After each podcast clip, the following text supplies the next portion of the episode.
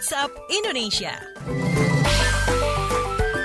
Waktunya kita keliling Indonesia di WhatsApp Indonesia dan kita awali dengan perakiran cuaca selama sepekan ke depan bareng perakirawan Badan Meteorologi, Klimatologi dan Geofisika BMKG Adananda Alfuadi. Selamat pagi Mas, silakan. Ya, selamat pagi. Baik, untuk kondisi cuaca dalam sepekan ke depan diperkirakan mengingat uh, dorongan masa udara dari Asia ini sudah makin dominan di wilayah Indonesia sehingga potensi untuk terbentuknya awan hujan di sebagian besar wilayah Indonesia akan semakin signifikan seperti itu dan diperkirakan dalam sepekan ke depan di sebagian besar wilayah Sumatera, kemudian Jawa, Kalimantan Tengah, Kalimantan Barat, kemudian Bali, Nusa Tenggara Barat, bagian kecil Nusa Tenggara Timur, kemudian Sulawesi bagian tengah dan utara, Maluku Utara, Papua Barat, serta wilayah Papua bagian utara dalam sepekan ke depan potensi hujannya cukup signifikan dan perlu diwaspadai untuk wilayah sepanjang pesisir barat Sumatera dalam tiga hari ke depan diperkirakan akan ada peningkatan jumlah curah hujan sehingga masyarakat perlu waspada di wilayah sana.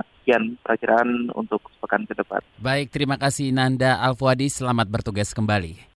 Selanjutnya kita menuju Banyumas, Jawa Tengah untuk mengenal komunitas patas sosial Kurir Langit yang terpilih mewakili Indonesia dalam penghargaan layanan publik PBB 2020.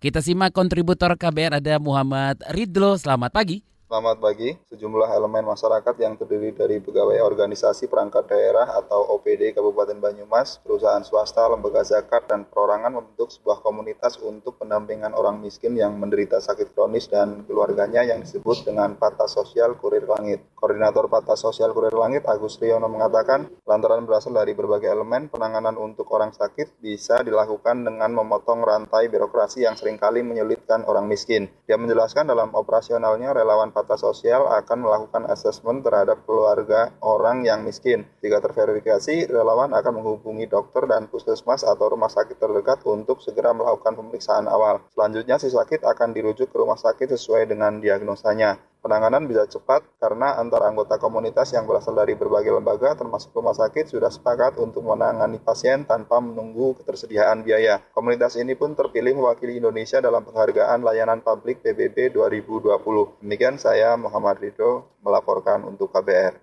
Terima kasih Ridlo. Terakhir kita ke Malang, Jawa Timur. Museum HAM Munir didirikan sebagai media edukasi HAM. Selengkapnya dilaporkan kontributor KBR ada Eko Widianto. Selamat pagi. Selamat pagi, Gubernur Jawa Timur Kofifa Indar Parawansa meletakkan batu pertama kemarin sebagai tanda pembangunan Museum Hak Asasi Manusia HAM Munir di Batu, Jawa Timur.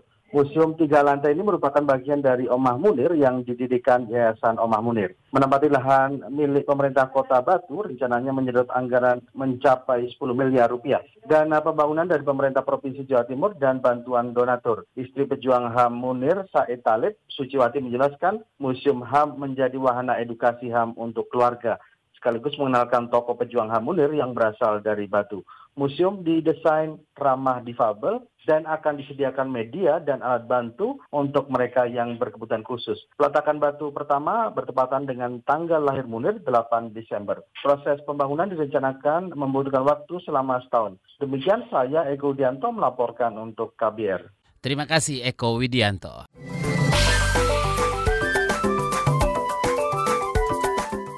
WhatsApp Indonesia.